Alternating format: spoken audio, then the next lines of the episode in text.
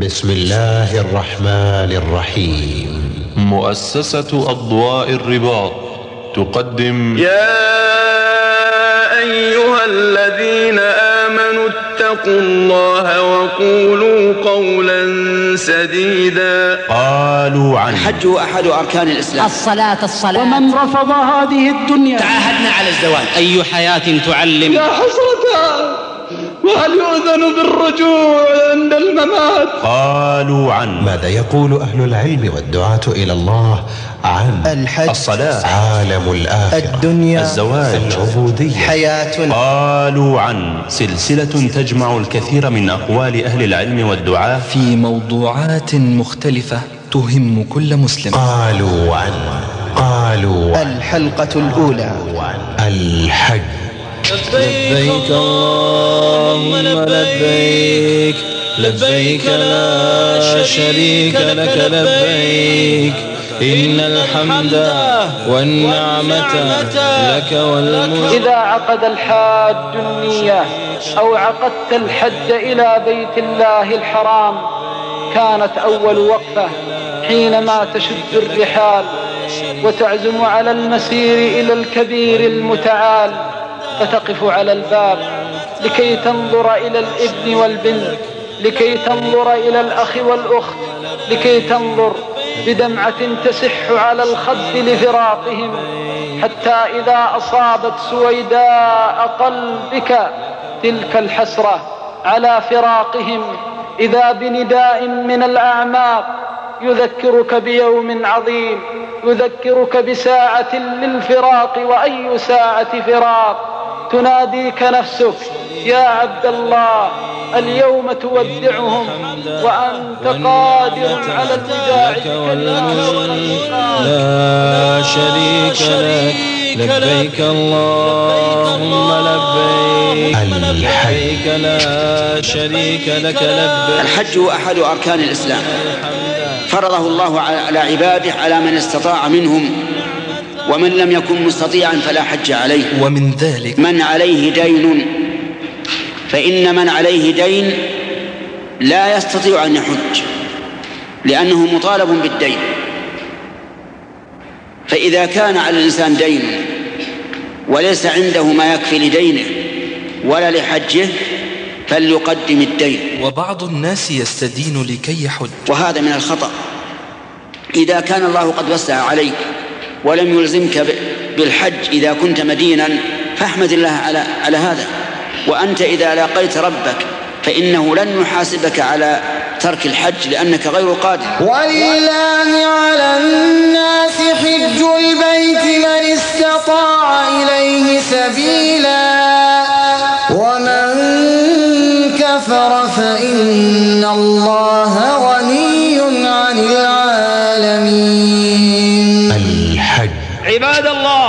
الحج واجب على المستطيع على الفور. خطب نبيكم صلى الله عليه وسلم فقال أيها الناس أيها الناس قد فرض الله عليكم الحج فحجوا. فقال رجل أكل عام يا رسول الله؟ فسكت صلى الله عليه وسلم. حتى قالها الرجل ثلاثة. فقال النبي صلى الله عليه وسلم لو قلت نعم لوجبت ولما استطعتم. وفي رواية الحج مرة فمن زاد فهو تطوع. فاتقوا الله فاتقوا الله يا من تستطيعون أداء الفريضة وتتأخرون عن أدائها. اتقوا الله جل وعلا قبل أن يأتيكم الموت قبل أن ينزل بكم هادم اللذات وأنتم مفرطون. فقد ورد في الأثر عن علي رضي الله عنه قال من ملك زادا وراحلة وراحلة تبلغه إلى بيت الله ولم يحج فلا عليه أن يموت يهوديا أو نصرانيا. ومن كفر فإن الله غني عن العالمين. الحج. من حديث أبي هريرة رضي الله عنه قال سمعت رسول الله صلى الله عليه وسلم يقول من حج فلم يرفث ولم يفسق رجع من ذنوبه كيوم ولدته أمه. ونعلم أن من ولد ليس عليه سيئة أبدا ولم يكتب عليه شيء. ونسأل الله أن يكون حجنا مبرورا وسعينا مشكورا حتى يكون ذلك الحج سببا لتكفير سيئاتنا وذنوبنا. بل إن الحج المبرور ليس له جزاء إلا الجنة. كما ثبت في, في الصحيحين وغيرهما من حديث أبي هريرة رضي الله عنه أن النبي صلى الله عليه وسلم قال العمرة إلى العمرة كفارة لما بينهما والحج المبرور ليس له جزاء إلا الجنة بل إن العبد إذا أنفق شيئا من ماله في الحج إنه والله ينفق من الأموال التي تضاعف عند الله بالحسنات والأجور فقد فقد ثبت عن النبي صلى الله عليه وسلم من حديث أبي من حديث بريدة رضي الله عنه. قال قال رسول الله صلى الله عليه وسلم النفقة في الحج كالنفقة في سبيل الله. الدرهم بسبعمائة ضعف. الدرهم بسبعمائة ضعف. مثل الذين ينفقون أموالهم في سبيل الله كمثل حبة. كمثل حبة أنبتت سبع سنابل في كل سنبلة مئة حبة. والله يضاعف لمن يشاء. والله واسع عليم. ولهذا حثنا النبي صلى الله عليه وسلم على الإكثار من هذه الأعمال الصالحة. حثنا على الإكثار من الحج. فقد ثبت عن النبي صلى الله عليه وسلم من حديث ابن مسعود رضي الله عنه أن النبي صلى الله عليه وسلم قال تابعوا بين الحج والعمرة فإنهما ينفيان الفقر والذنوب كما ينفي الكير خبث الحديد والذهب والفضة. وليس للحجة المبرورة ثواب إلا الجنة. وليس للحجة المبرورة ثواب إلا الجنة. وأذن في الناس بالحج يأتوك رجالا وعلى كل ضامر يأتين من كل فج عميق. الحج. لبيك اللهم لبيك لبيك لا شريك لك لبيك. وكان الرسول صلى الله عليه وسلم في كل تحركاته وتنقلاته بين هذه المشاعر يقول للناس خذوا عني مناسككم خذوا عني مناسككم لعلي لا ألقاكم بعد عامي هذا. لقد كان لكم في رسول الله أسوة حسنة لمن كان يرجو الله واليوم الآخر وذكر الله كثيرا. الحج شروط الحج المبرور. الإخلاص لله المتابعة لرسول الله القيام بالواجبات البعد عن المحرمات. الخامس أن يكون المال الذي تحج به حلالا. لأنه إذا حججت بمال كله سحت فما حججت ولكن حجت العير. وإذا وضع الرجل رجله في الغرز أو في الركاب وماله حرام قال لبيك اللهم لبيك قال الله له لا لبيك ولا سعديك حجك مردود عليك. مالك حرام وسعيك حرام وعملك حرام. الحج أشهر معلومات فمن فرض فيهن الحج فلا رفث ولا فسوق ولا جدال في الحج. وما تفعلوا من خير يعلمه الله وتزودوا فإن خير الزاد التقوى. واتقون يا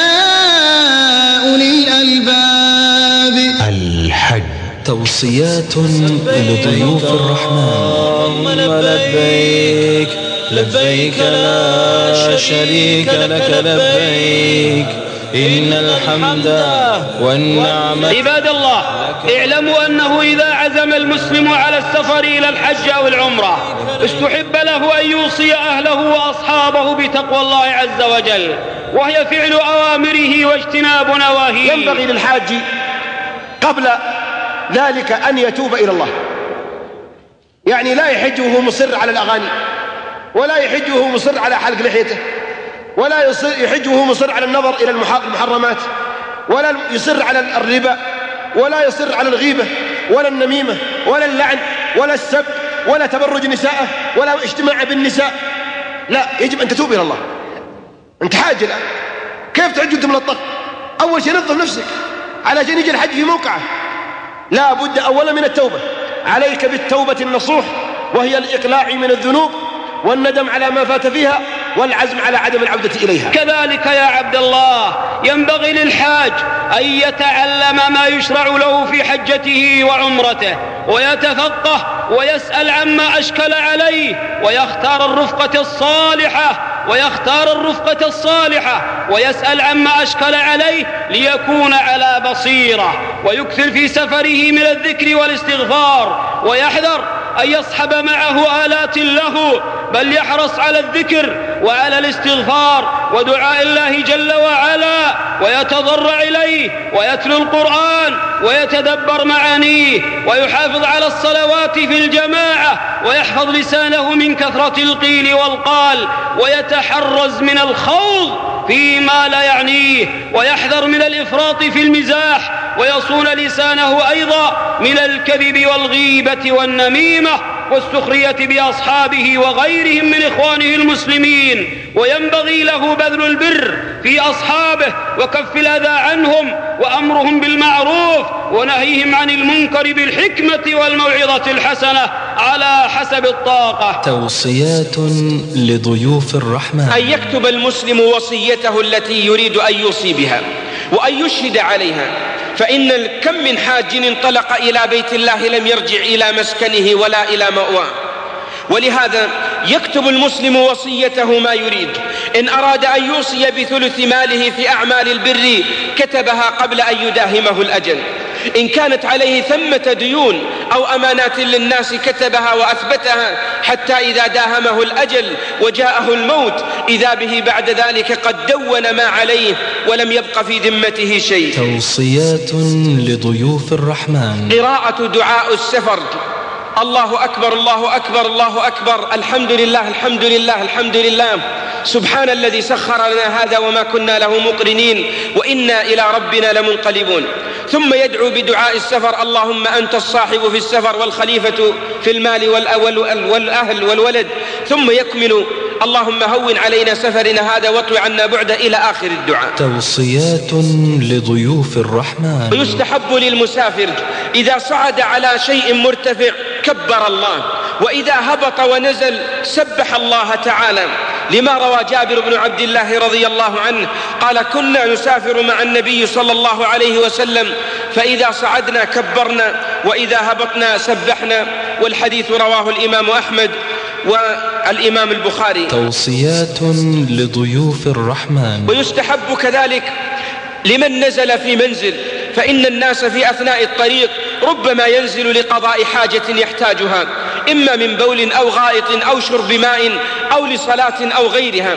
فالسنة للمسلم إذا نزل المنزل أن يدعو بهذا الدعاء العظيم الذي روته لنا خولة بنت حكيم السلمية رضي الله عنها أن النبي صلى الله عليه وسلم قال من نزل منزلا ثم قال أعوذ بكلمات الله التامات من شر ما خلق لم يضره شيء حتى يرتحل من منزله ذلك. وهذا الحديث قد رواه أحمد ومسلم. والنعمة لك والملك لا شريك لك. لبيك اللهم لبيك. لبيك لا شريك. والآن إليك أخي المستمع. إليك أختي المستمعة. أقوال أهل العلم في كيفية أداء هذه المناسك العظيمة وهذه الفريضة المباركة. كما حج المصطفى صلى الله عليه وسلم. لنفترض أن أحدكم الآن يريد الحج. وعلى أمور الحج سنأتي خطوة خطوة منذ يصل الإنسان إلى الميقات. فإنه يشرع في حقه إذا وصل الميقات إن كان عن طريق البر فإنه يتنظف طبعا وليس بالضرورة يتنظف في المكان هناك يتنظف هنا بإمكانه أن يتنظف هنا ويقلم أظافره ويحلق مثلا شعره ونعني بالشعر. شعر العانة ونتف الإبط والشارب أما اللحية فلا لا في العشر ولا في غيرها. بعد ذلك يتطيب وبعد ذلك يلبس ملابس الإحرام وهي الإزار والرداء الأبيضين النظيفين وبعدين يتلفظ بالنية تلفظا بلسانه. والمرأة كالرجل. كلامنا الآن للرجل وللمرأة على السواء. تتلفظ هي كما يتلفظ هو بالنية. غير أن إحرامها بالنسبة لها غير الرجل في الملابس. تلبس ثيابها وتكف شعرها وتتجنب الموضات والأصباغ والمساحيق والثياب الضيقة والمزركشة والشفافة وذوات الألوان البراقة. وأيضا تتجنب الملابس التي تشبهها بالرجال. لا تلبس الملابس البيضاء لأننا نشوف بعض النساء يجون وعليها ثوب أبيض كأنها رجال. ما نعرف الرجال من المرأة من الملابس البيضاء. ولا يلزمها أن تأخذ ملابس زرقاء أو خضراء أو سوداء مثل ما عندنا في الجنوب إحرام أسود. لا تلبس أي ثوب من ثياب بدلتها في بيتها. بشرط ألا يكون ملفت للنظر ولا يكون مزركش ولا شفاف ولا ضيق ولا مغري ولا فاتن. أي ثوب من ثيابها العادية. وبعد ذلك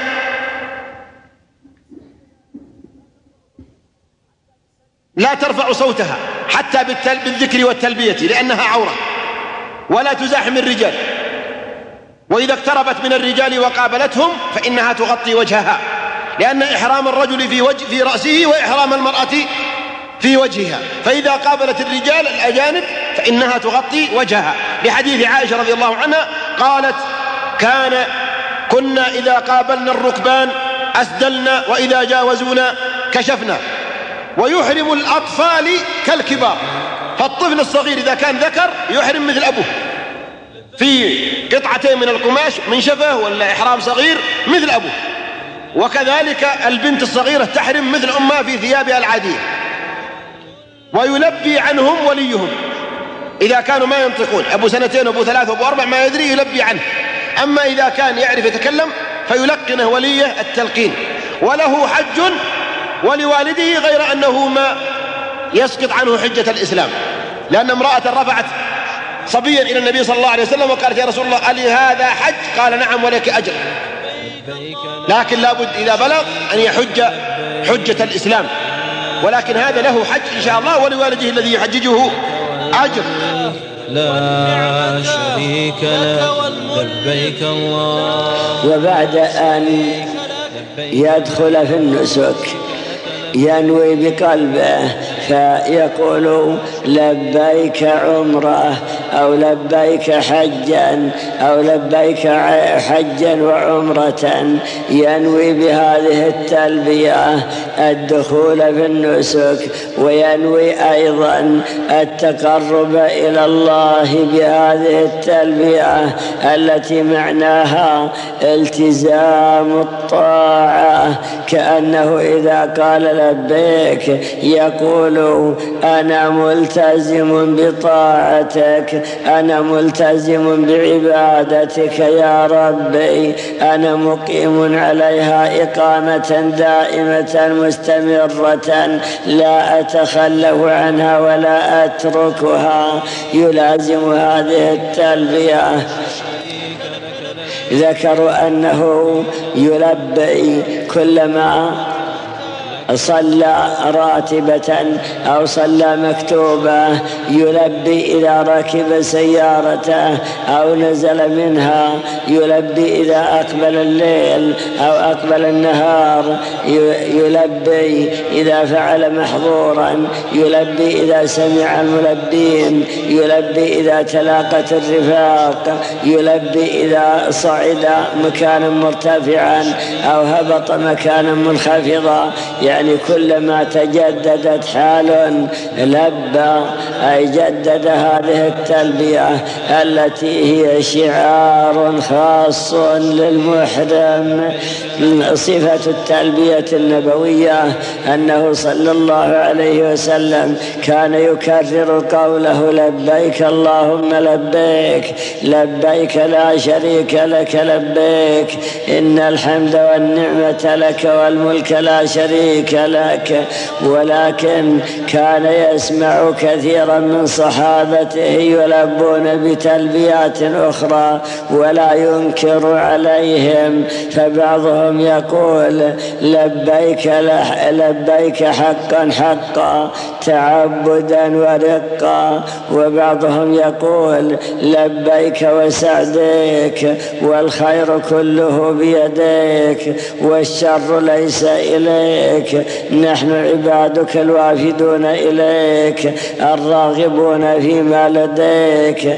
وبعضهم يقول لبيك والرغباء إليك والعمل. وبعضهم يقول لبيك إن العيش عيش الآخرة والكل جائز. وذلك لأن هذه التلبية إجابة لنداء الله سبحانه والتزام بطاعته فهي شعار خاص بالمتلبس بنسك حج أو بنسك عمرة. لبيك اللهم لبيك لبيك لا شريك لك لبيك إن الحمد والنعمة لك والملك لا شريك لك.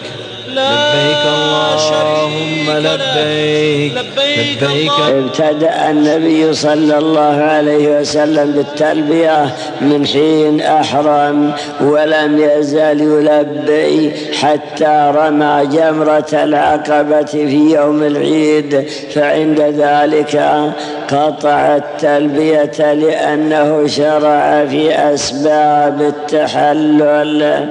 الذي يحرم بعمرة يلبي إلى أن يبدأ في الطواف لأنه إذا بدأ في طواف العمرة ابتدأ في أسباب التحلل فيقطع التلبية بفروعه في الطواف بالبيت. محظورات الإحرام. معروف أنها تسع. أولا. أن الرجل لا يلبس الثياب المخيطة. فإذا احتاج ولبس ثوبا مخيطا أو أحرم به كالجنود الذين يحرمون بثيابهم فعليه فدية. صيام ثلاثة أيام أو الصدقة على ستة مساكين بثلاثة آصع لكل مسكين نصف صاع أو ذبح شاة له الخيار. ثانيا تغطية الرأس. فلا يغطي رأسه بملاصق كعمامة أو قلنسوة أو بريهة أو نحوها.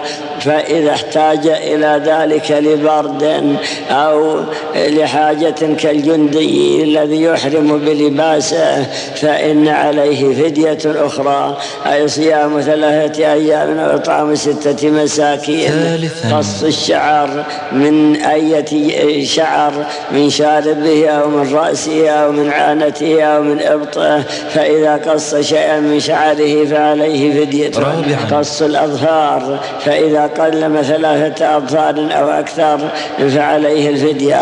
استعمال الطيب الذي له رائحة زكية. إذا تطيب في ثوبه أو تطيب في بدنه أو في إحرامه فعليه فدية التي هي ما ذكرنا من الصيام أو الإطعام.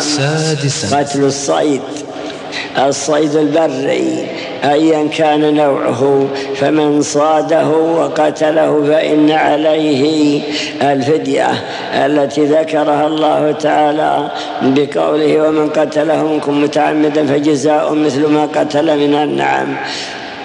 ومثله أيضا صيد الحرم سابعا. عقد النكاح فلا يصح أن المحرم يعقد النكاح لابنته ولا لابنه مثلا ولا يكون شاهدا ولا يخطب ولا يكون زوجا ولا وليا. ثامنا. الجماع. وإذا فعله قبل التحلل الأول فسد نسكه وعليه إكماله وعليه فدية وعليه أن يقضيه من السنة القادمة تاسعا المباشرة التقبيل واللمس بشهوة وما أشبهه. إذا فعل ذلك فعليه فدية ولكنه لا يفسد حجه. وأتموا الحج والعمرة لله. فإن أحصرتم فما استيسر من الهدي ولا تحلقوا رؤوسكم حتى يبلغ الهدي محلة. فمن كان منكم مريضا أو به أذى من رأسه ففدية ففدية من صيام أو صدقة أو نسك. فإذا أمنتم فمن تمتع بالعمرة إلى الحج فما استيسر من الهدي. فمن لم يجد فصيام ثلاثة أيام في الحج وسبعة إذا رجعتم تلك عشرة كاملة ذلك لمن لم يكن أهله حاضر المسجد الحرام واتقوا الله واعلموا أن الله شديد العقاب. الحج. الحج له أنساك ثلاثة. الأول التمتع والثاني القران والثالث الإفراد. الأنساك ثلاثة الأول التمتع والثاني القران والثالث الإفراد. فالتمتع أن يذهب الإنسان إلى مكة محرما بالعمرة فيطوف ويسعى ويقصر ويحل الإحلال التام. كل شيء يحل له من محظورات الإحرام. فإذا كان اليوم الثامن أحرم بالحج. فيكون فتكون العمرة مستقلة والحج مستقلا. أما النسك الثاني وهو الإفراد أن يحرم بالحج وحده في أشهر الحج. فإذا وصل مكة طاف وسعى طاف طواف القدوم وسعى سعي الحج ولا يحلق ولا يقصر يبقى على إحرامه حتى يوم العيد فإذا ولا يحل حتى يوم العيد ثم يرمي جمرة العقبة ويحلق رأسه ثم يتحلل من حجه. أما القرآن فأن يحرم بالحج والعمرة جميعا. فإذا وصل إلى مكة طاف للقدوم وسعى ثم بقي محرما إلى يوم العيد. وبهذا نعرف أنه لا فرق في الأفعال بين القارن والمفرد إلا أن القارن عليه هدي والمفرد ليس عليه هدي والفرق بينهما هو أن القارن حصل له نسكان فكان من شكر نعمة الله عليه أن يهدي وأما المفرد فلم يحصل له إلا نسك واحد ولذلك لم يوجب لم نوجب عليه الهدي. الأنساك عندنا ثلاثة أنساك. يجوز للمسلم أن يدخل في أي نسك منها. أفضلها هو التمتع. ودليله قول النبي صلى الله عليه وسلم لو استقبلت من أمري ما استدبرت لما سقت الهدي ولجعلتها عمرة. التمتع ثم القران ثم الإفراد. هذا هو الأفضل. والآن نسوق لك أخي المستمع ولك أختي المستمعة صفة التمتع. من الإحرام بالعمرة إلى أن ينتهي الحج بعون الله وتيسيره. فنقول إذا وصل الإنسان إلى الميقات فليغتسل كما يغتسل للجنابة ثم يتطيب بأطيب ما يجد يجعل الطيب على رأسه وعلى لحيته. ولا يطيب الإحرام الإحرام لا يطيب. لا بالبخور ولا بالدهن الذي يطيب البدن قبل عقد الإحرام ثم يلبس إزارا ورداء ثم يصلي إن كان وقت فريضة صلى الفريضة وإن لم يكن وقت فريضة وكان وقت نافلة كالضحى مثلا صلى النافلة وإن لم يكن وقت نافلة فإنه يصلي ركعتي الوضوء لأن الوضوء له سنة. وبعد هذا يلبي فيقول لبيك عمرة وإن أخر التلبية حتى يركب فلا بأس. وهنا إذا أخرها يكون في سعة لأنه يستطيع أن يفعل محظورات الإحرام وإن كان لابسا ثوب الإحرام ما دام لم يعقد النية. فيقول لبيك عمرة ويستمر في التلبية.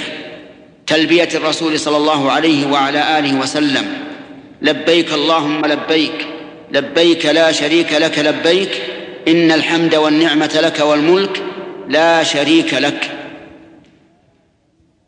ويرفع صوته بذلك إذا كان رجلا. ولا يزال يلبي إلى أن يشرع في الطواف. فإذا وصل إلى المسجد الحرام بادر فطاف. ويبتدئ الطواف من الحجر. وله الحمد لله علامة الآن وهي هذا الخط البني الذي ينطلق من الحجر إلى منتهى صحن الطواف. ف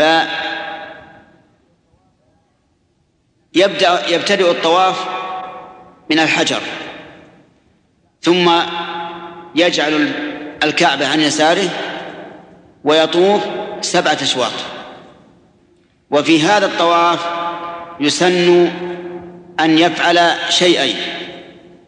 الشيء الأول أن يطبع في جميع طوافه والاطباع أن يجعل وسط الرداء تحت الإبط الأيمن وطرفي الرداء على الكتف الأيسر في جميع الطواف. والشيء الثاني أن يرمل في الأشواط الثلاثة الأولى فقط. وفي الأربعة الباقية يمشي عاديا عاديا.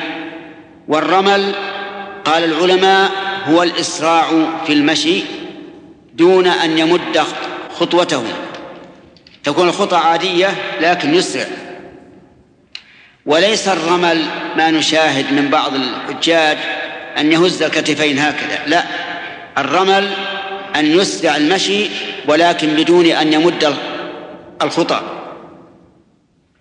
كم يرمل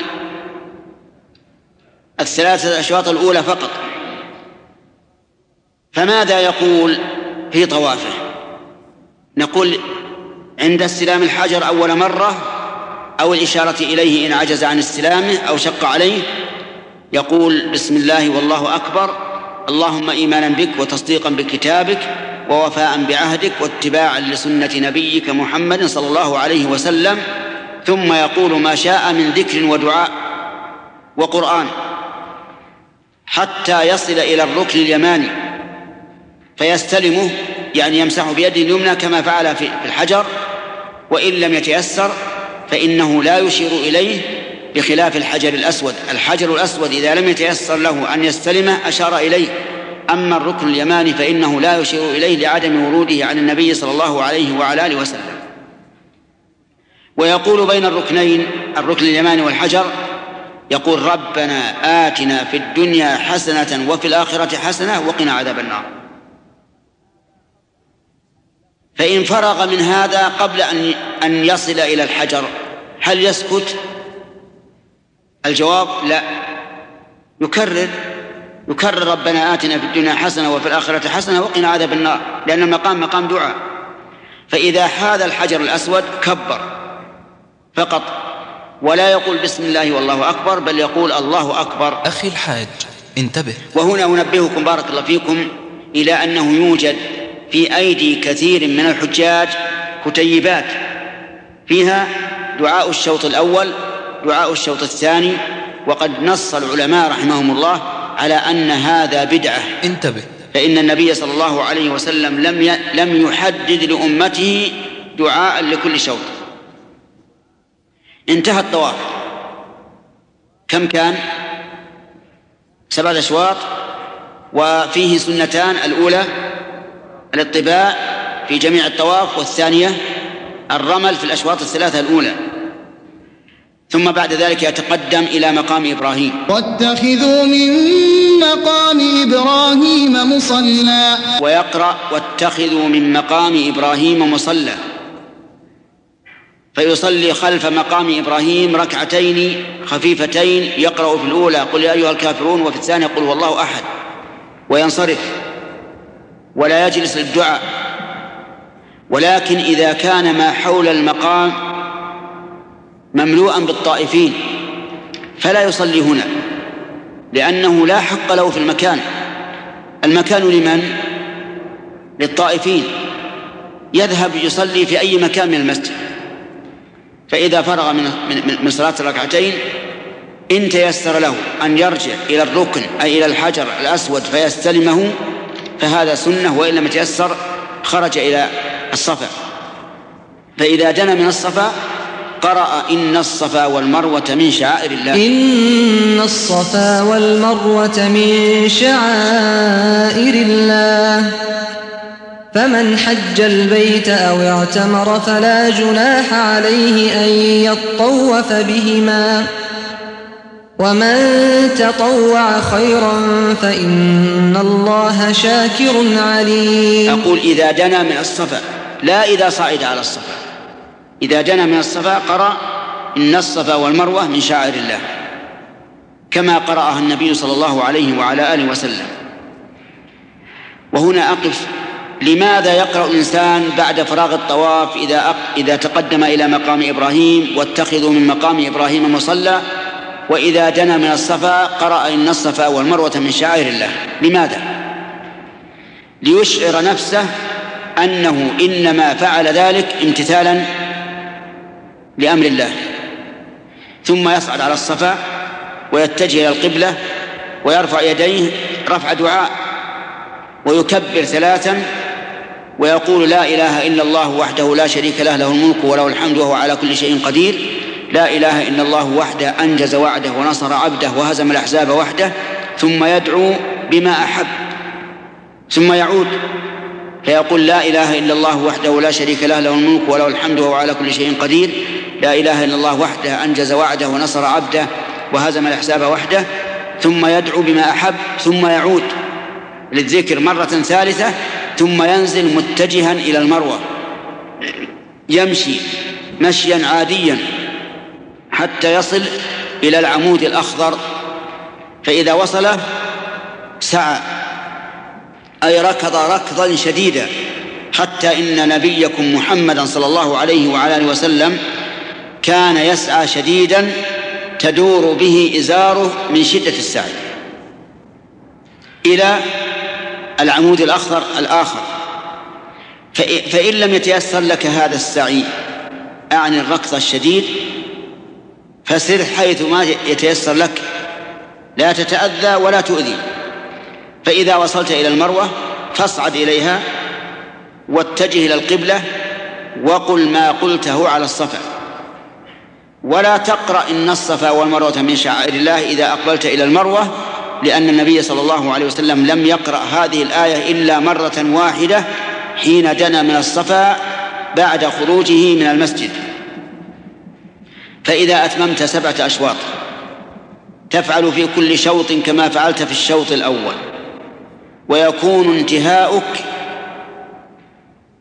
بالمروة. فإن انتهيت بالصفا فاعلم أنك مخطئ. أخي الحاج انتبه. انتبه. أخي الحاج انتبه. إذا انتهيت بالسعي بالصفا فاعلم أنك مخطئ. المهم أن تعلم أنك إذا انتهيت بالصفا فأنت غلطان.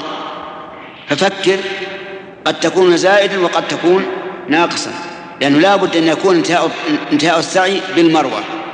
فإذا انتهيت من, من السبعة أشواط فقصر قصر الرأس.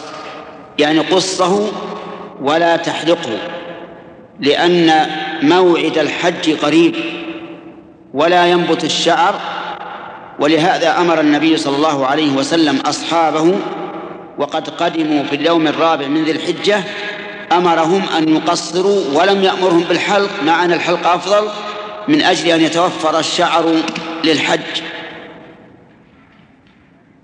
فإذا قصرت فقد حللت من كل شيء كان محظورا عليك. تلبس الثياب تتطيب. إذا كان معك أهلك تتمتع بهم المهم تحل من جميع محظورات الإحرام. فإذا كان اليوم الثامن من الحجة فأحرم بالحج. وعند الإحرام تغتسل كما تغتسل عند إحرام العمرة. وتحرم من مكانك. فتقول لبيك حجا وتخرج إلى منى وذلك ضحى اليوم الثامن. فتصلي بها الظهر والعصر والمغرب والعشاء والفجر قصرا بلا جمع. فإذا طلعت الشمس فسر إلى عرفة. وانزل بنمرة إن تيسر لك ونمرة ليست من عرفة بل هي خارج عنها. لكن نزلها الرسول صلى الله عليه وعلى آله وسلم والله أعلم من أجل أن يستريح فيها لأنها كانت مكانا ذا أشجار كثيرة. ثم إذا زالت الشمس فادفع من نمرة إلى عرفة. وإن لم يتيسر لك النزول بنمرة كما هو الواقع الآن فلا حرج أن تستمر. في السير من منى إلى عرفة وتنزل هناك وتصلي الظهر والعصر جمع تقديم.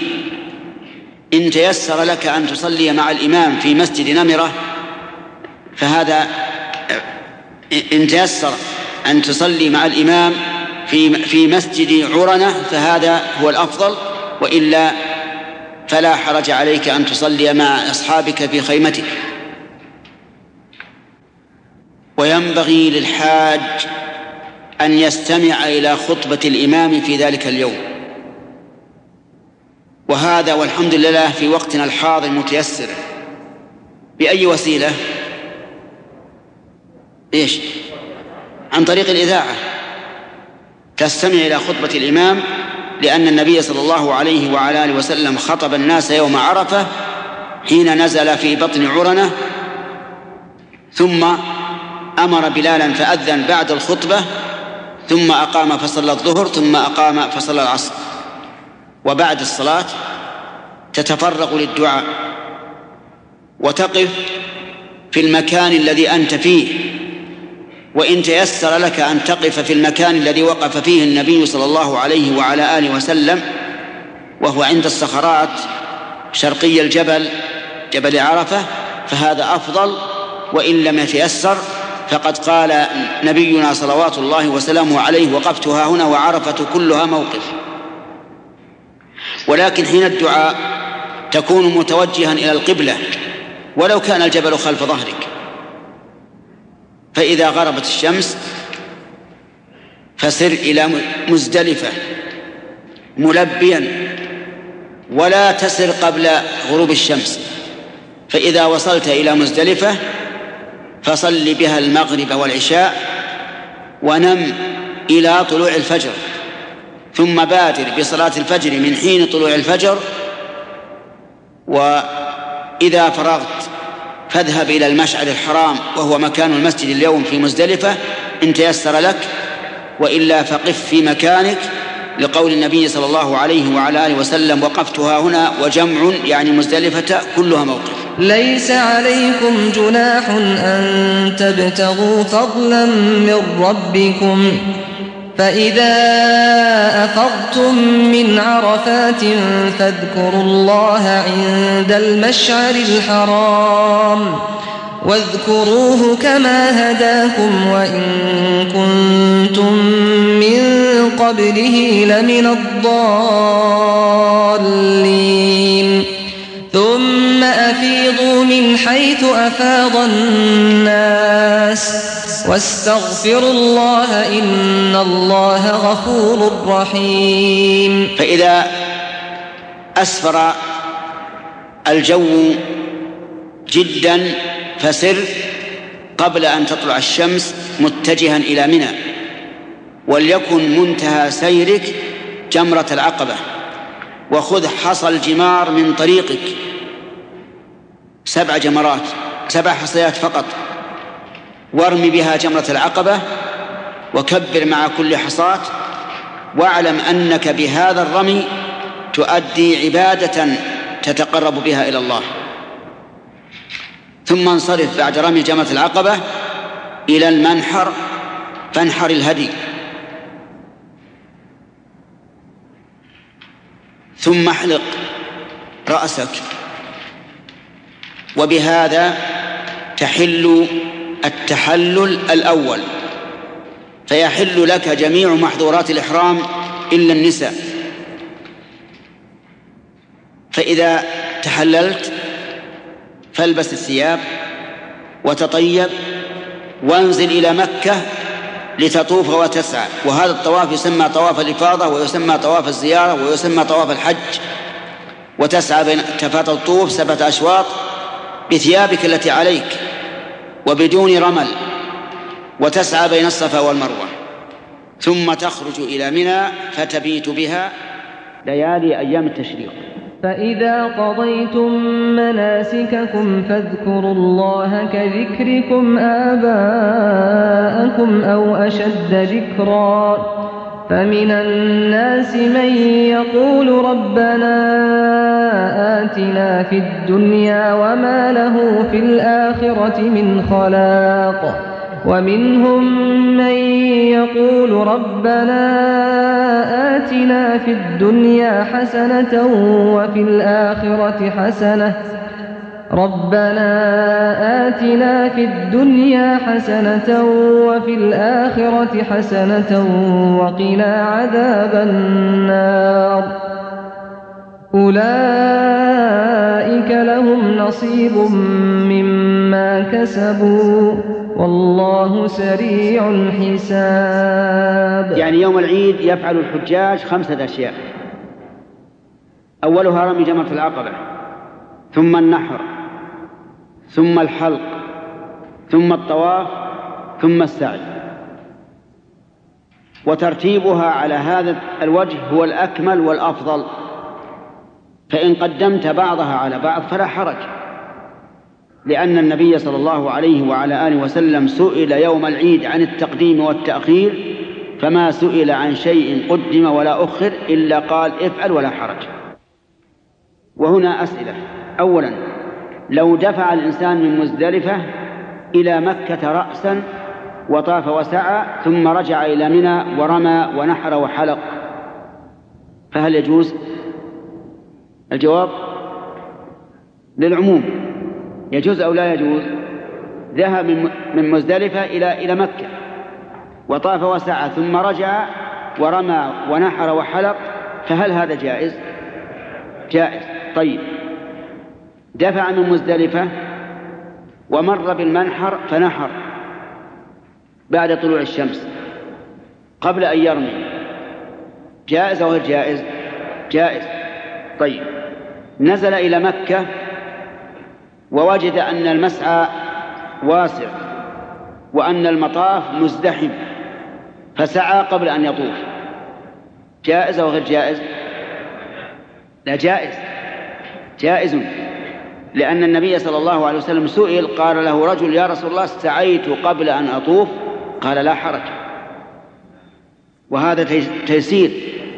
فهذه الأنساك الخمسة ترتب كما ذكرنا أولا الرمي ثم النحر ثم الحلق ثم الطواف ثم السعي وإن قدمت بعضها على بعض فلا حرج. وهذا من رحمة الله وحكمته.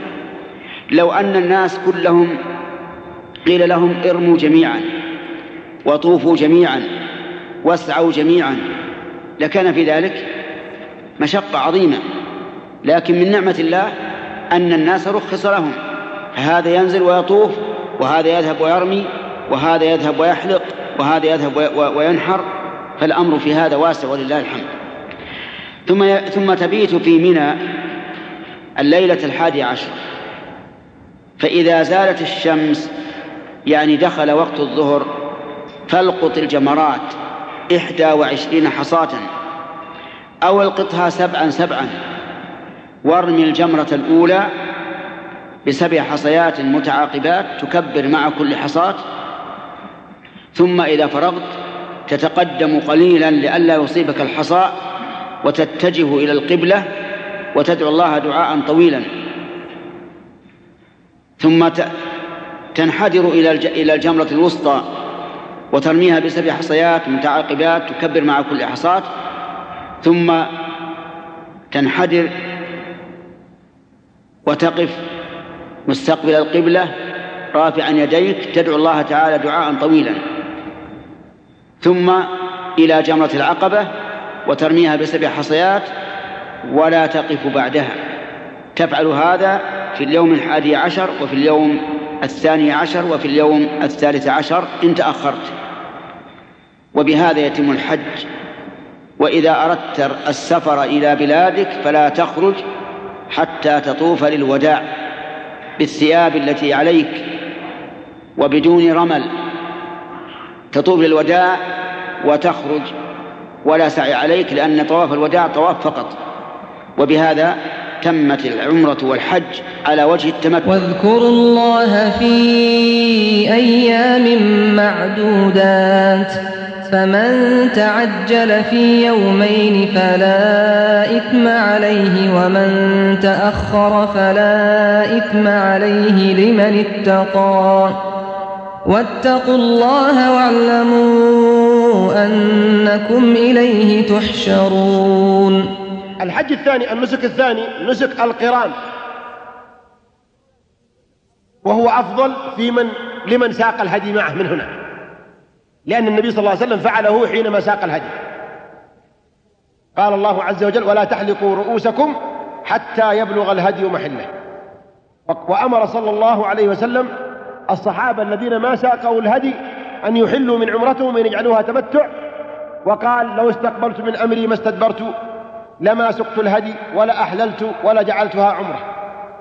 فدل الصحابة على التمتع لأفضليته ومنعه من التمتع كون الهدي كان معه. فمن كان معه الهدي فالأفضل في حقه القران ومن ليس معه هدي فالأفضل في حقه التمتع. والقران صفته أن تأتي إلى الميقات مثل ما جاء المفرد وتحرم ولكن تقول لبيك اللهم حجا وعمرة. لبيك اللهم حجا وعمرة يعني تقرن الثنتين سوا.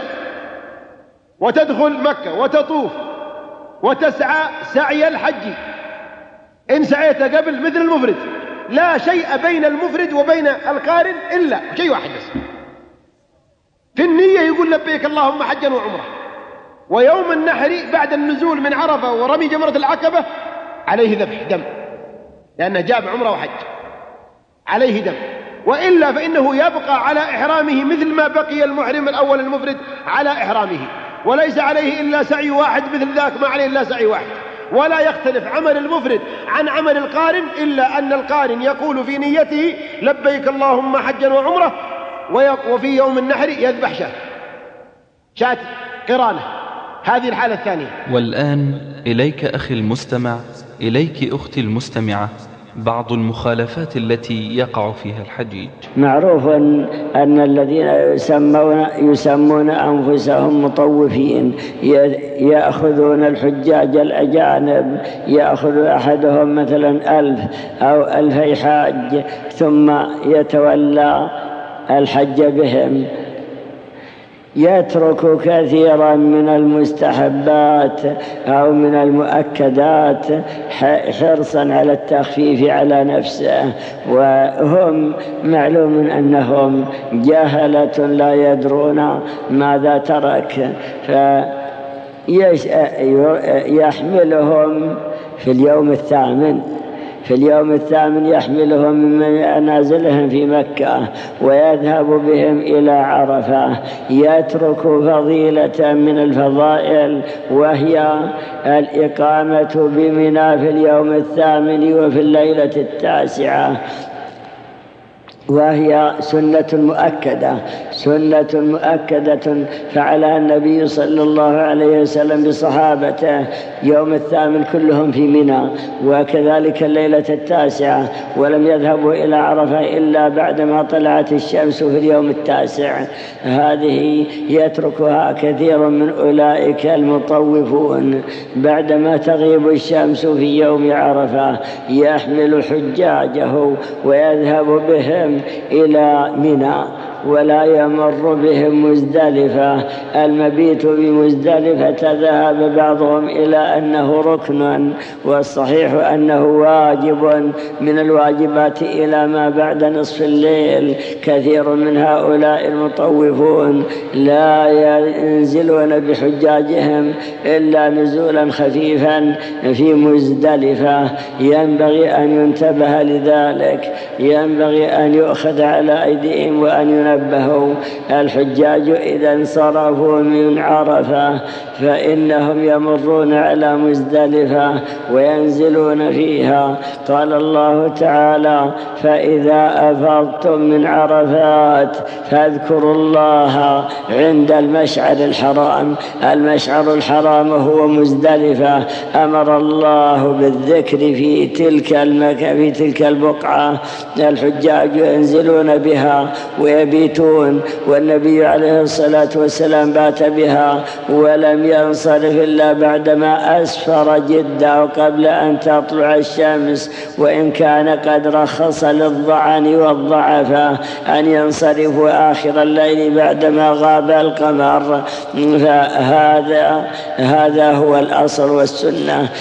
كثير من الناس تساهلوا في مثل هذا المبيت فصاروا يأتونها في الساعة الحادية عشر وربما في التاسعة بعضهم ثم يواصلون سيرهم إلى منى ولا ينزلون واتخذوا أيضا عادة يعتقدونها من السنة وهو اعتقاد أن أخذ الحصيات لا تكون إلا من مزدلفة فتجدهم ساعة ما ينزلوا ينبث يلتقط تلك الحصيات ثم بعد ذلك يركبوا وهذا خلاف السنة.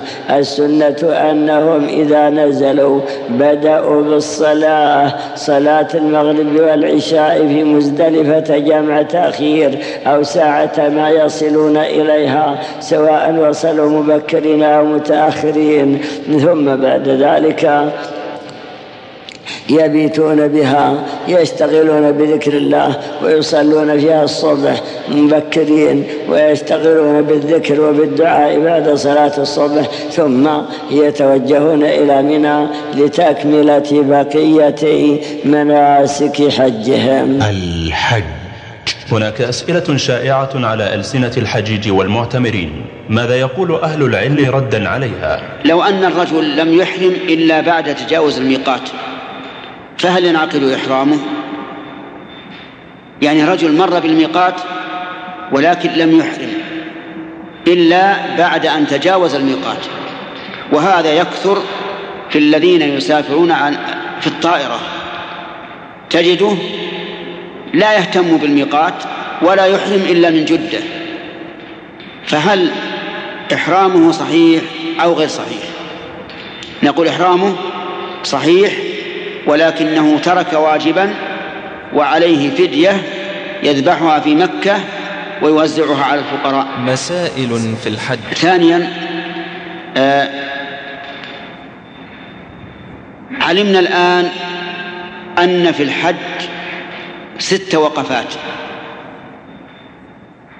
علمنا أن في الحج ست وقفات ليس وقوفا واحدا بل ست ست وقفات. نعدها على الصفا وعلى المروة وفي عرفة وفي مزدلفة وبعد الجمرة الأولى وبعد الجمرة الوسطى. هذه ست وقفات ينبغي للإنسان أن لا يفرط فيها ولكن الأمر واسع في مسألة الإطالة وعدم الإطالة حسب ما يتيسر لك. مسائل في الحج. ثالثا ذكرنا أن الحاج يبيت في منى ليلة التاسع.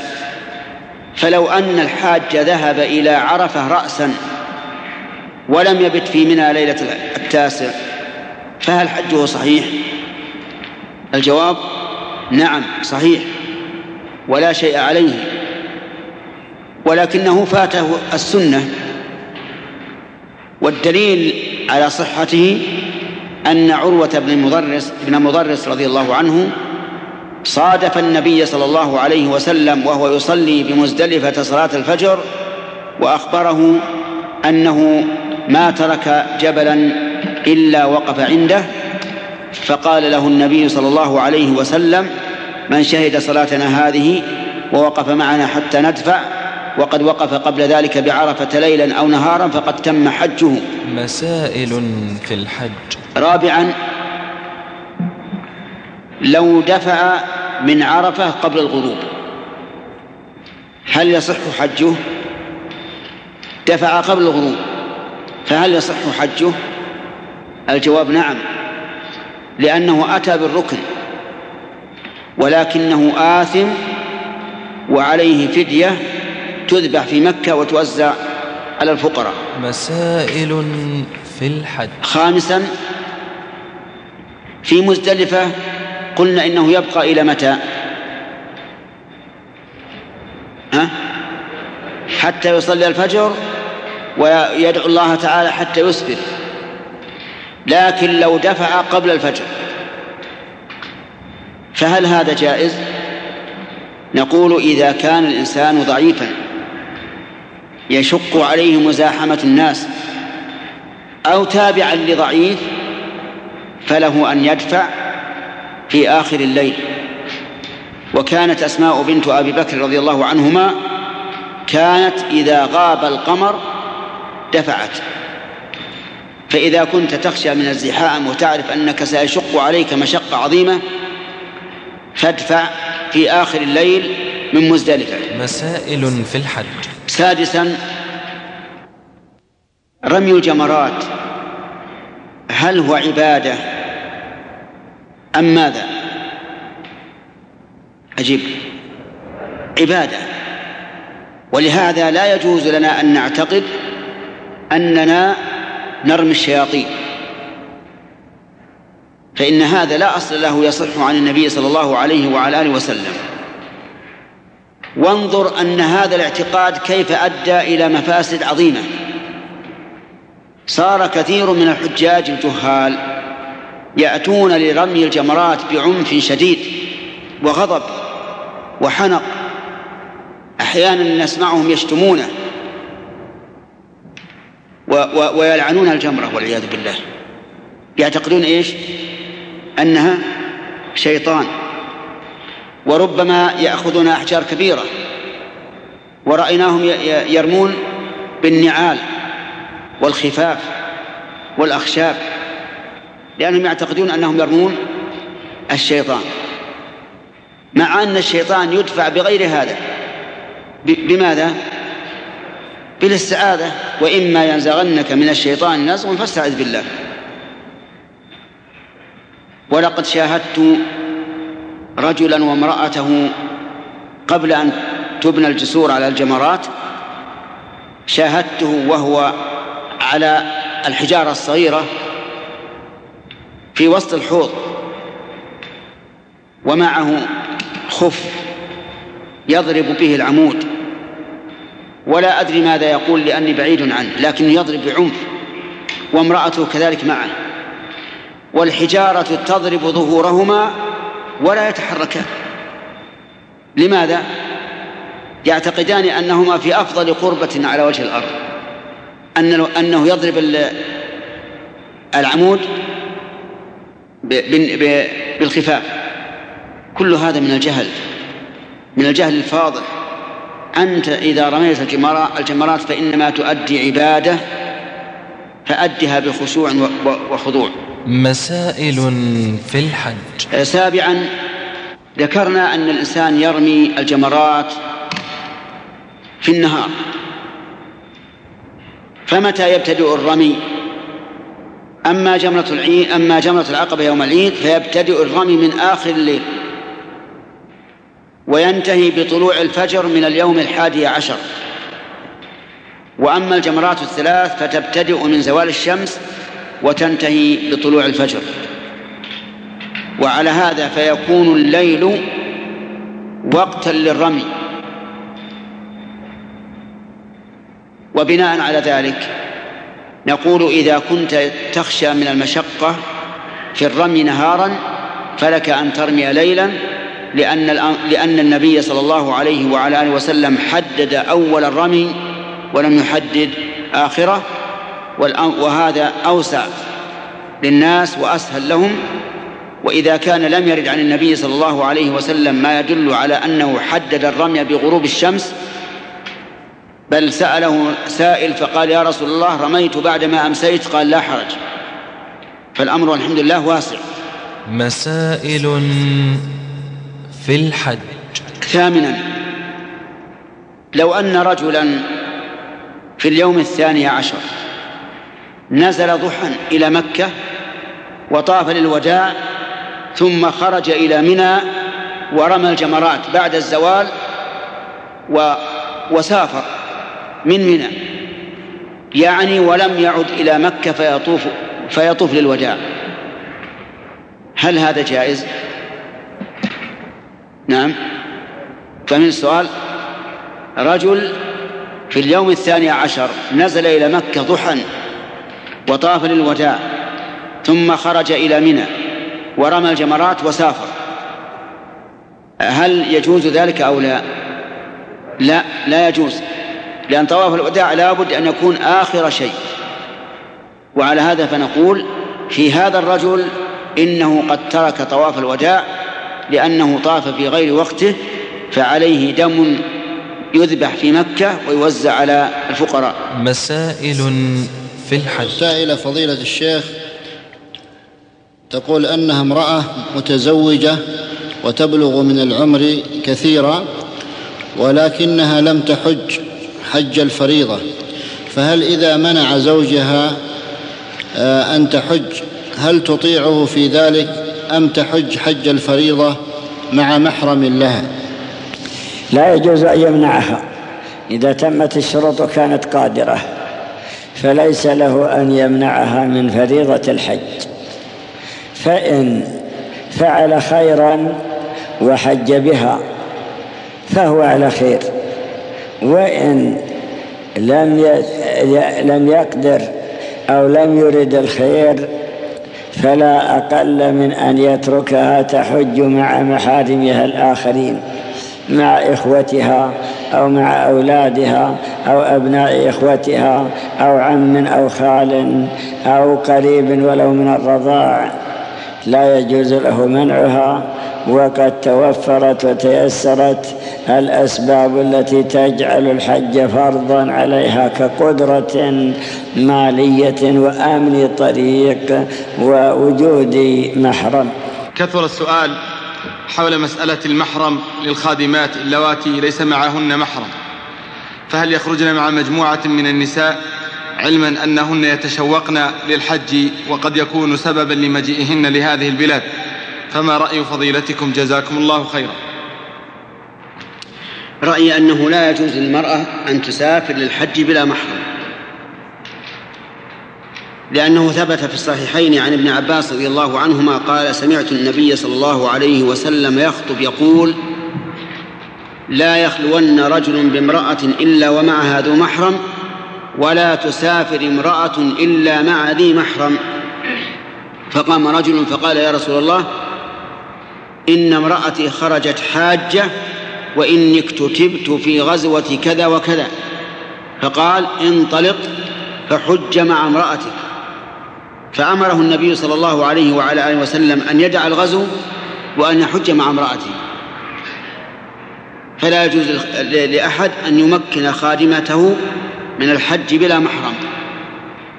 ويقال للخادمة أنت والحمد لله في حل في حل من من الحج لأن المرأة التي لا تجد محرما لا يجب عليها الحج. كالفقير الذي لا يجد مالا. المرأة التي لا تجد محرما عاجزة عجزا شرعيا والفقير الذي لا ليس له مال عاجز عجزا حسيا ولم يوجب الله الحج إلا على من استطاع إليه سبيلا. فتطمئن هذه الخادمة ويقال الحمد لله الحج ليس واجبا عليك ولو مت للقيت الله عز وجل ولا إثم عليك. نعم. تقول أنا جيت من غير محرم من هناك. نعم إذا قالت إني جئت من هناك بغير محرم نقول إذا عصيت الله مرة هل تعصينه مرة أخرى؟ هذا ليس بحجة. ثم تكون معصية أيضا في طاعة. أنت ذهبت إلى الحج وهو طاعة فكيف تعصين الله في الطاعة؟ يقول السائل فضيلة الشيخ هل مكة على مسافة سفر من جدة؟ فالمسافة 73 كيلو كما هو معلوم. وهل على أهل جدة طواف للقدوم وطواف للوداع؟ وهل طواف الوداع واجب عليهم أم سنة؟ وهل يجوز لهم أن يعودوا إلى جدة ثم يرجعوا فيطوف الوداع؟ جدة كانت مسافة قصر ولكن زالت أو نقصت المسافة وذلك بعد الامتداد. امتدت جدة مثلا خمسة عشر كيلو على طريق مكة وامتدت مكة كذلك أيضا فقصرت المسافة فأصبحت غير مسافة. أصبحت المسافة قليلة. هذا بالنسبة للامتداد. وأيضا قربت المسافة بواسطة الأجهزة أو الآلات والسيارات ونحوها فبدل ما كانت يومين عندما كانوا يرحلون على الإبل أصبحت ساعة أو أقل من ساعة أي بين مكة وجدة. فعلى هذا لا تكون مسافة قصر لا يقصر من ذهب إلى مكة. أما بالنسبة إلى أداء الحج وأداء العمرة في سفرين فالذي يظهر أن الحاج والمعتمر من أهل جدة إذا رجع بعد العمرة وأنشأ سفرا للحج وأنشأ ذهابا إلى الحج مستقلا أنه يسقط عنه دم التمتع. وذلك لأن من شرط وجوب الدم ألا يرجع إلى بلده بين العمرة والحج. فمثلا لو اعتمرت في اليوم التاسع اعتمرت في اليوم الخامس من شهر ذي الحجة ثم أتيت إلى أهلك وأقمت عندهم اليوم السادس واليوم السابع وأول اليوم الثامن وأحرمت بالحج اليوم الثامن وذهبت إلى عرفة أو إلى منى. ثم كملت الحج. ففي هذه الحال يظهر أنه لا دم عليك. وذلك لأنك فصلت بين الحج والعمرة برجوعك إلى أهلك الذين هم في هذه البلاد فهو بمنزلة من رجع إلى أهله في البلاد البعيدة كالرياض مثلا أو الأحساء أو نحوه أما طواف القدوم فإنه مشروع. إذا أحرمت بحج كمفرد فإنه يشرع لك أن تطوف طواف القدوم إذا قدمت مكة. أما طواف الوداع فلا يسقط أيضا ولكن يجوز تأخيره.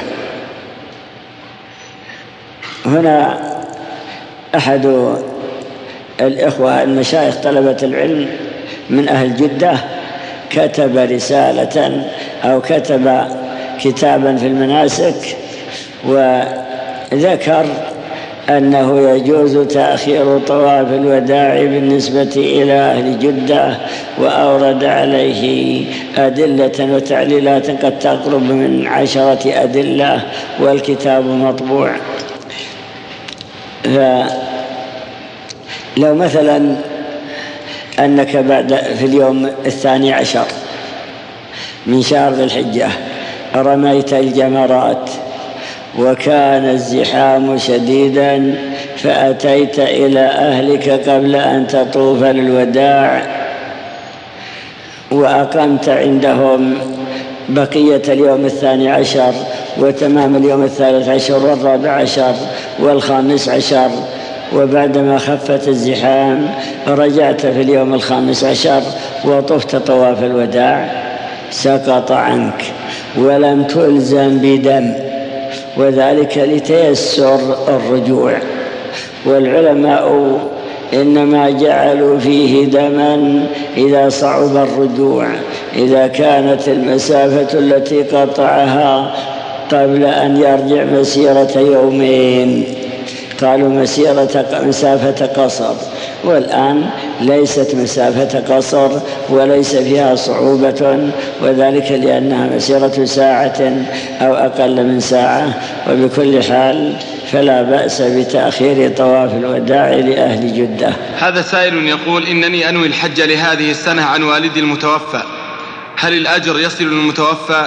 وهل الأجر يصل إلي أنا كذلك؟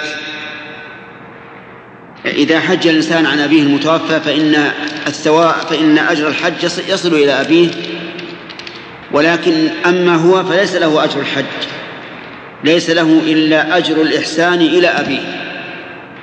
وأما أجر الحج فقد طابت نفسه أن يكون لأبيه لا له لكن هو محسن فيؤجر على إحسانه. شخص حج مفردا فطاف طواف القدوم وسعى للحج. ثم أتى بجميع أعمال الحج إلا أنه لم يطف طواف الإفاضة جاهلا بوجوبه عليه وقد طاف طواف الوداع ما الواجب في حقه؟ لا سيما وهو سيحج هذه السنة متمتعا.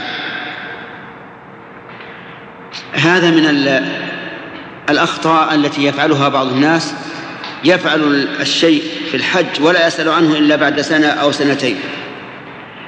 الرجل ترك طواف الإفاضة كما سمعتم في السؤال. وطواف الإفاضة ركن من أركان الحج. قال الله تعالى ثم ليقضوا تفتهم وليوفوا نذورهم وليطوفوا بالبيت العتيق. وطواف الوداع لا يغني عن طواف الإفاضة لأن طواف الوداع واجب وطواف الإفاضة ركن. ولأن طائف ولأن طائف الوداع لم ينوي طواف الإفاضة. وقد قال النبي صلى الله عليه وعلى آله وسلم إنما الأعمال بالنيات وإنما لكل امرئ ما نوى ولكن ماذا يفعل الآن؟ نقول يجب عليه الآن إذا ذهب إلى مكة يجب عليه أن أن يطوف يعني أن أن يحرم بعمرة ويطوف ويسعى ويقصر ثم يطوف طواف الإفاضة عن العام الذي تركه فيه وفي هذا الأثناء لا يجوز أن يقرب زوجته لماذا؟ لأنه لم يحل التحلل الثاني. إذ أن التحلل الثاني لا بد أن يكون بالرمي والحلق والطواف والسعي. أخي المستمع أختي المستمعة إليكم يا من قد نويتم الحج إلى بيت الله الحرام. إذا أشكل عليكم شيئا من أمور الحج فعليكم بسؤال أهل العلم سواء في مكة أو في منى وعرفات. وهم منتشرون في مناطق المشاعر كلها. كذلك إن أمكن الرجوع إلى أشرطة الدروس والمحاضرات الخاصة بموضوع الحج وأيضا الكتيبات الخاصة بالمناسك. ونسأل الله العظيم أن يكون حجكم حجا مبرورا.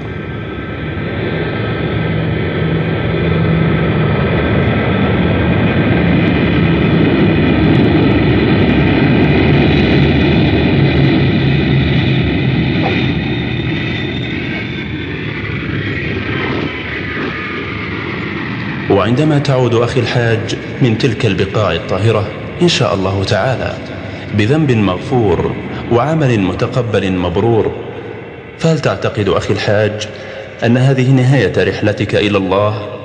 أم أن هناك عبر ودروس مستفادة من هذه الرحلة القصيرة لتكون زادا لبقية الرحلة؟ الحج. حتى تلقى الله تعالى. الحج. فهو مدرسة من مدارس الجهاد.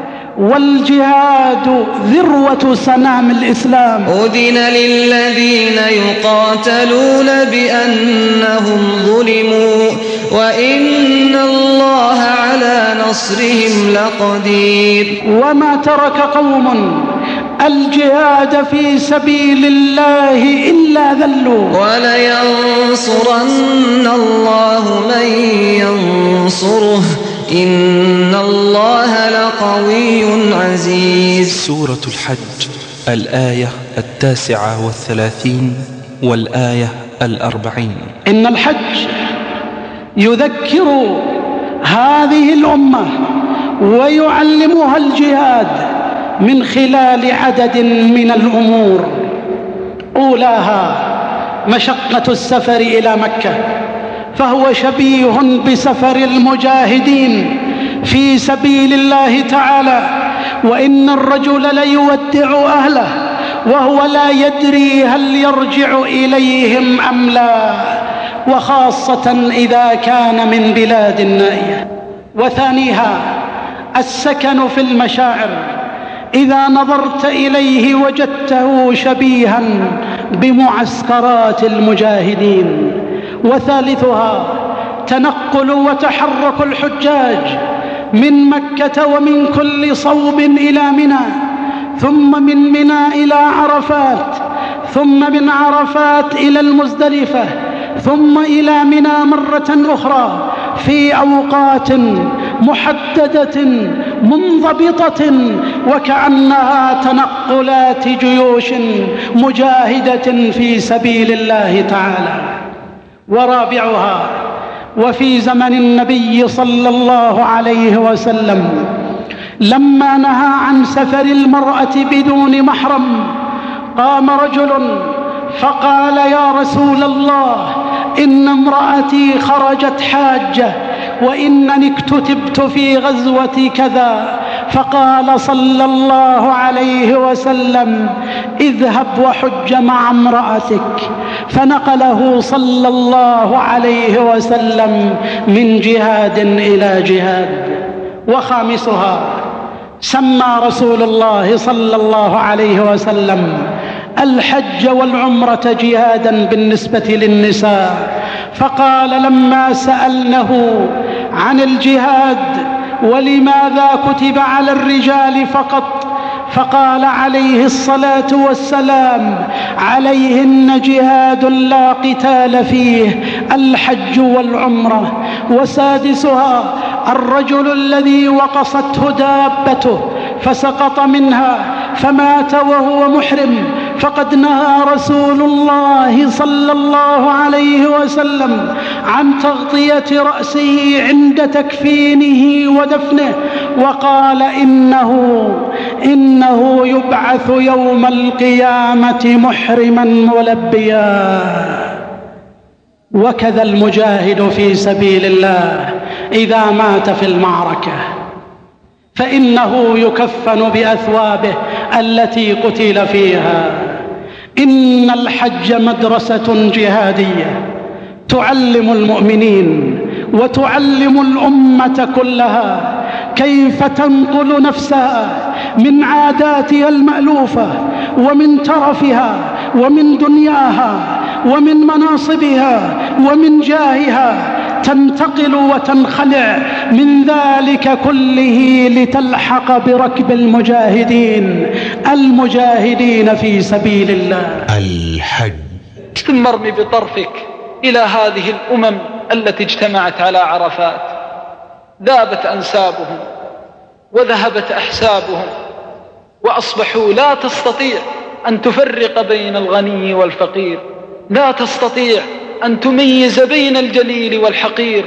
أكف إلى الله رافعة وعيون من خشيته دامعة وقلوب وأفئدة لجلاله منكسرة. كم فيها من مظاهر تراهم وكأنهم على صفة رجل واحد. ولكن بين بعضهم بعضا من الفضل والدرجات كما بين السماء والأرض. بماذا بالقلوب وقفوا في تلك المواقف؟ وقلوبهم متباينة في الإجلال والإعظام والانكسار والذكر للعظيم القهار. لذلك يوم عرفة يوم مشهود ويوم يذكرك. هذا اليوم يذكر بالموقف بين يدي الله عز وجل. ولذلك إذا وقف العبد بعرفات ونظر إلى تلك البريات ونظر إلى تلك الأصوات والصيحات فسبحان من علم لغاتها. وسبحان من ميز ألفاظها وسبحان من قضى حوائجها. لا يخفى عليه صوت ولا تعجزه حاجة. أحد فرد صمت صمد لا يعيه سؤال سائل. لذلك أحبتي في الله النظر في حال يوم عرفة. يذكر بالله تبارك وتعالى. وقف بعض السلف مع بعض مع بعض الخلفاء فجاءت صاعقة.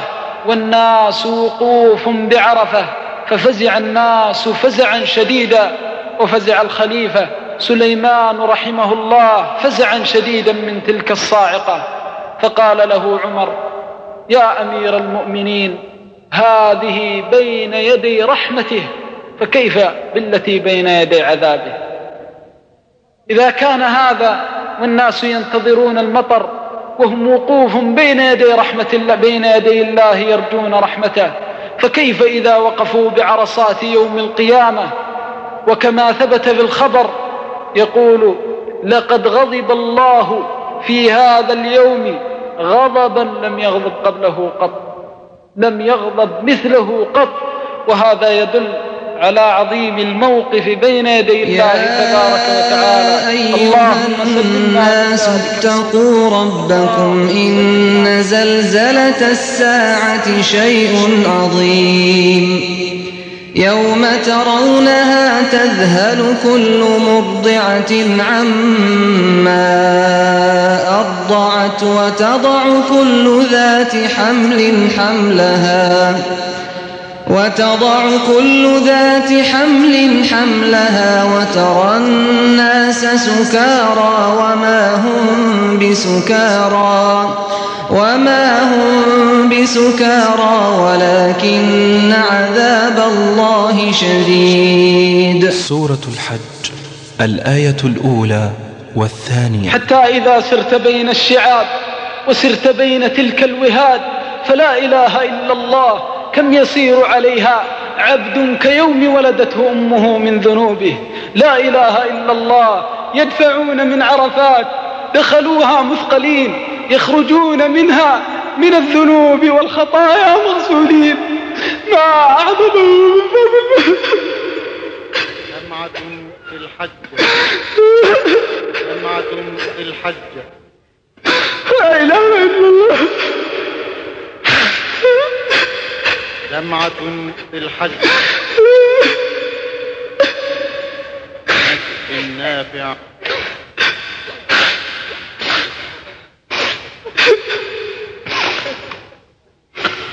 يسيرون بين تلك الشعاب يسيرون بين تلك الأودية كيوم ولدتهم أمهاتهم ما نظر الله إلى سيئات مضت ما نظر الله إلى ماض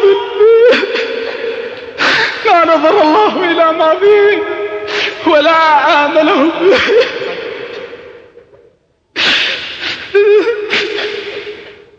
في الحج.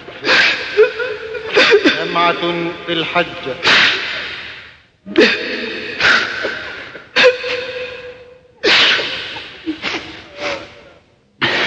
يسيرون بين تلك الشعاب. يسيرون.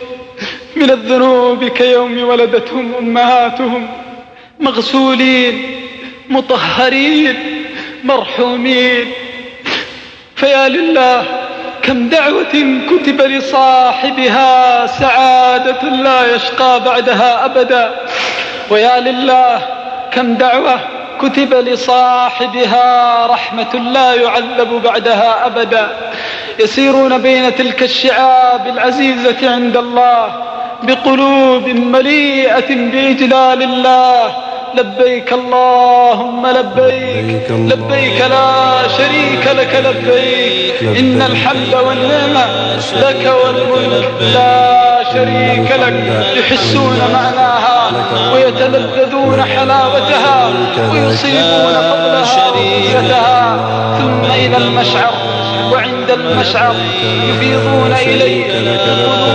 مغسولة مليئة بالخشوع تم إنتاج هذه المادة بجهد أقوال أهل العلم وبجودة الربا ذي القعدة عام 1416 من الهجرة.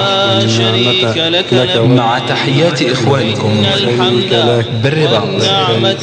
الرياض هاتف رقم أربعة اثنان خمسة تسعة خمسة. صفر اثنان والسلام عليكم ورحمة الله تعالى وبركاته. لا شريك لك لبيك. إن الحمد والنعمة لك. والملك. لا شريك لك. أيها الذين آمنوا اتقوا الله وقولوا سديدا قال قالوا عن الحج هو أحد أركان الإسلام. الصلاة الصلاة. ومن رفض هذه الدنيا. تعاهدنا على الزواج. أي حياة تعلم؟ يا حسرة. وهل يؤذن بالرجوع عند الممات؟ قالوا عن. ماذا يقول أهل العلم والدعاة إلى الله عن الحج الصلاة عالم الآخرة الدنيا الزواج العبودية. حياة. قالوا عن. سلسلة تجمع الكثير من أقوال أهل العلم والدعاة. في موضوعات مختلفة تهم كل مسلم. قالوا قالوا قالوا قالوا